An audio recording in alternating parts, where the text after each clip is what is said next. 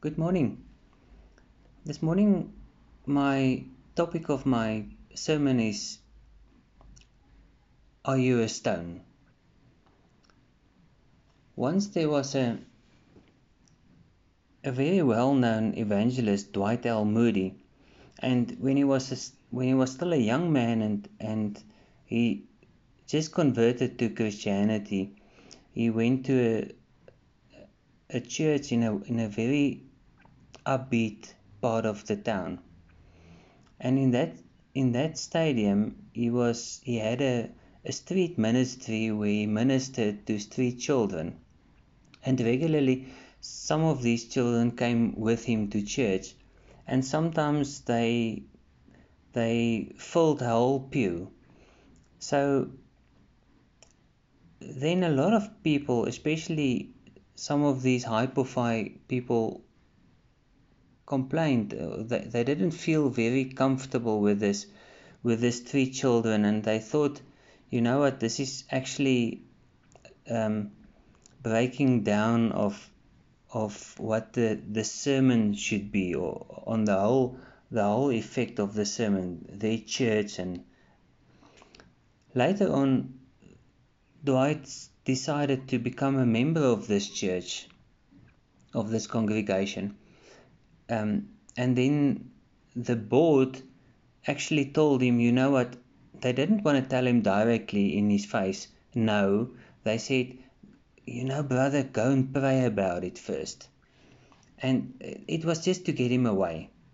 And a while after that, he came back to them and he said he prayed about it and um, he still wants to become a member.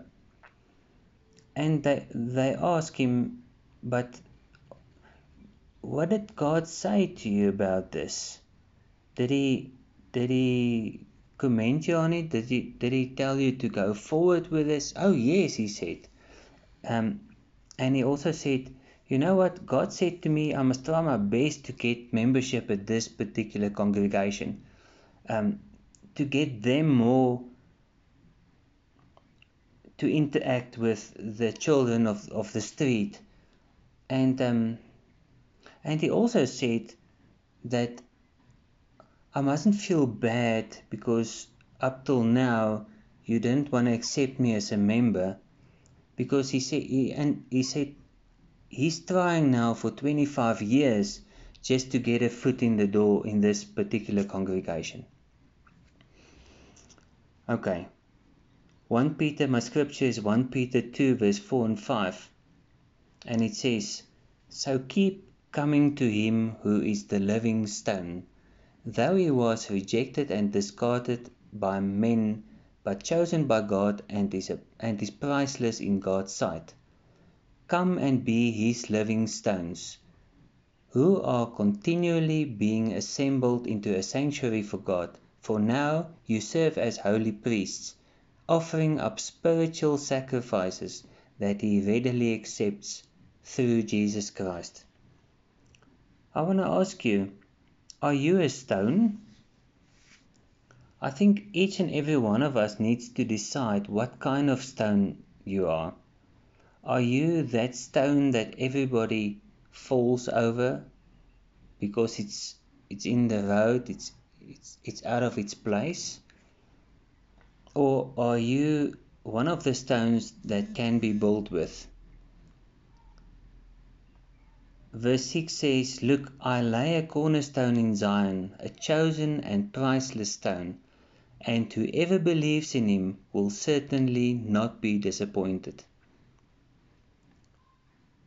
This is for the believers. That cornerstone, a cornerstone is that first stone when you build a home, that's the first stone that they that they cement on the foundation and all the other stones are packed in line with that cornerstone.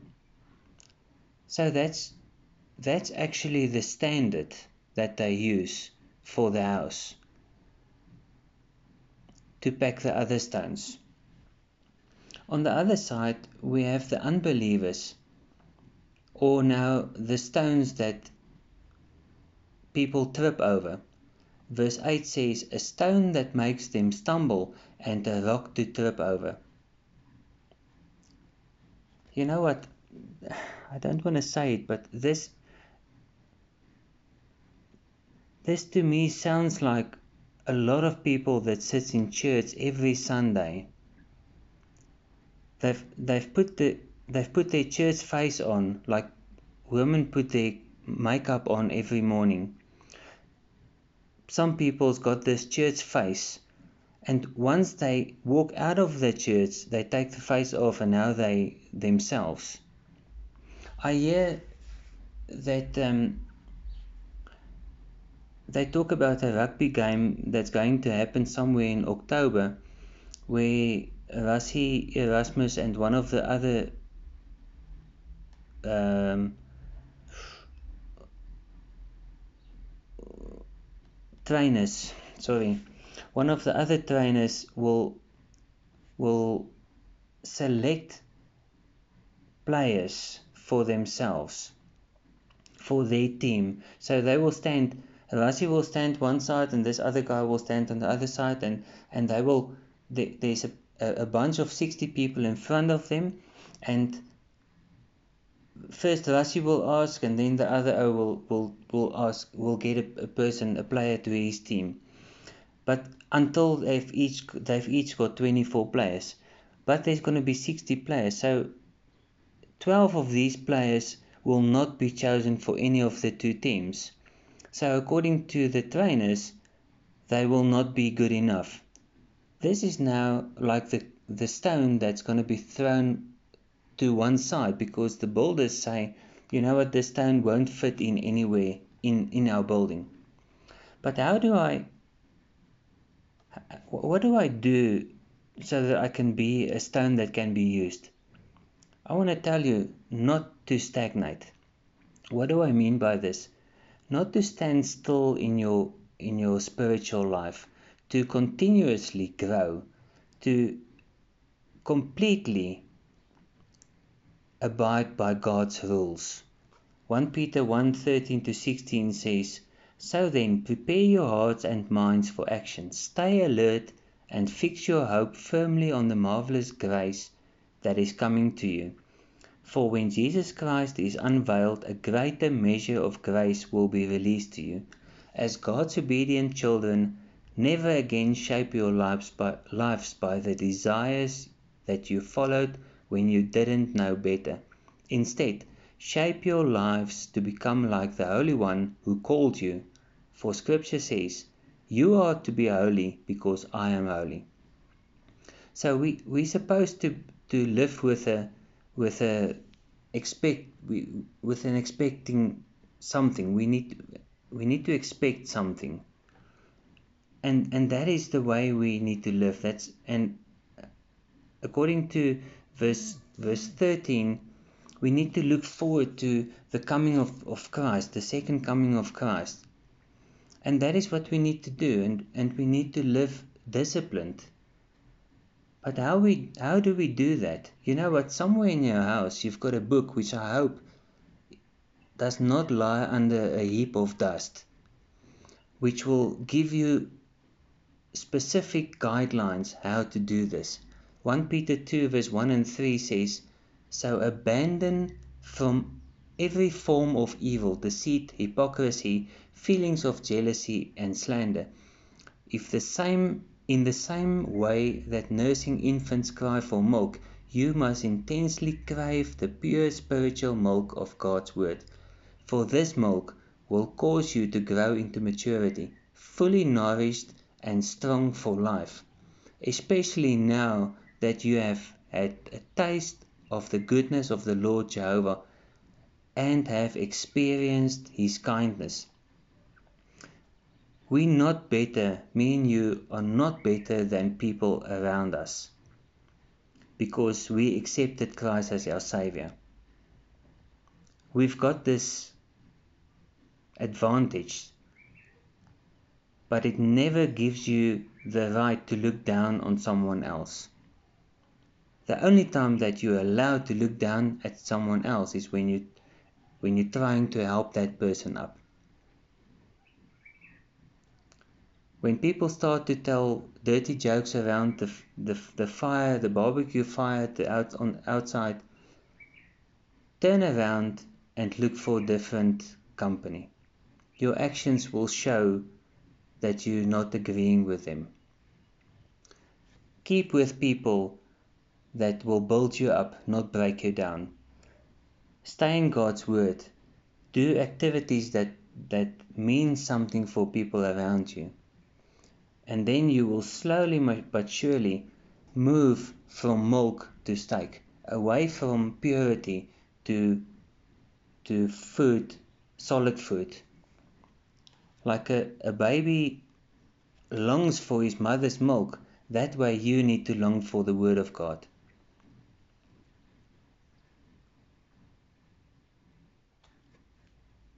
This is like a, a, a runner, someone that, that starts running. And not to the to the kitchen or to the toilet but on the road. Eventually it's or uh, initially it is very tiring. It's it's difficult. But then they there come a stadium where you enjoy it. You start to enjoy it. And every moment that you get you want to go and run so But the more you run, the more you enjoy it because you see you get fitter, you you you run fur, further, you you're more fit, you feel good when you're finished. You know that God is good for you. You've experienced it in your life before. I experience God's favor in my life every day. And the more the more I see it, the more I see it. Acts 4 verse 13 says, The council members were astonished as they witnessed the bold courage of Peter and John, especially when they discovered that they were just ordinary men who had never had religious training. Then they began to understand the effect Jesus had on them simply by spending time with them. This is the effect that the cornerstone have on the other stones and it's the same effect that Jesus had on Peter and John. They began to understand the effect Jesus had on them simply by spending time with Him. I want to close down. Are you going to allow God to say He's struggling for so long to get a foot in your door? Are you going to allow the Holy Spirit to change you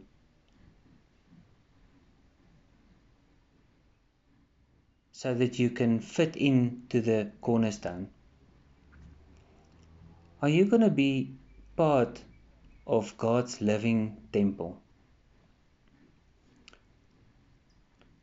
Two last questions. What do you hear from the Holy Spirit today? What is the Holy Spirit to you, saying to you now, today? Do something about it. Amen. Let's pray. Father, you're such a good God. You, you're a builder of extreme magnificence. You do things right, you do things correct, and you're a good, good God. Thank you for that. Help me, help everyone that listens to this to be bold, to tell people about the goodness of God, and help us to be part of that temple of yours, that living temple. I pray it in Jesus' name. Amen. Shalom.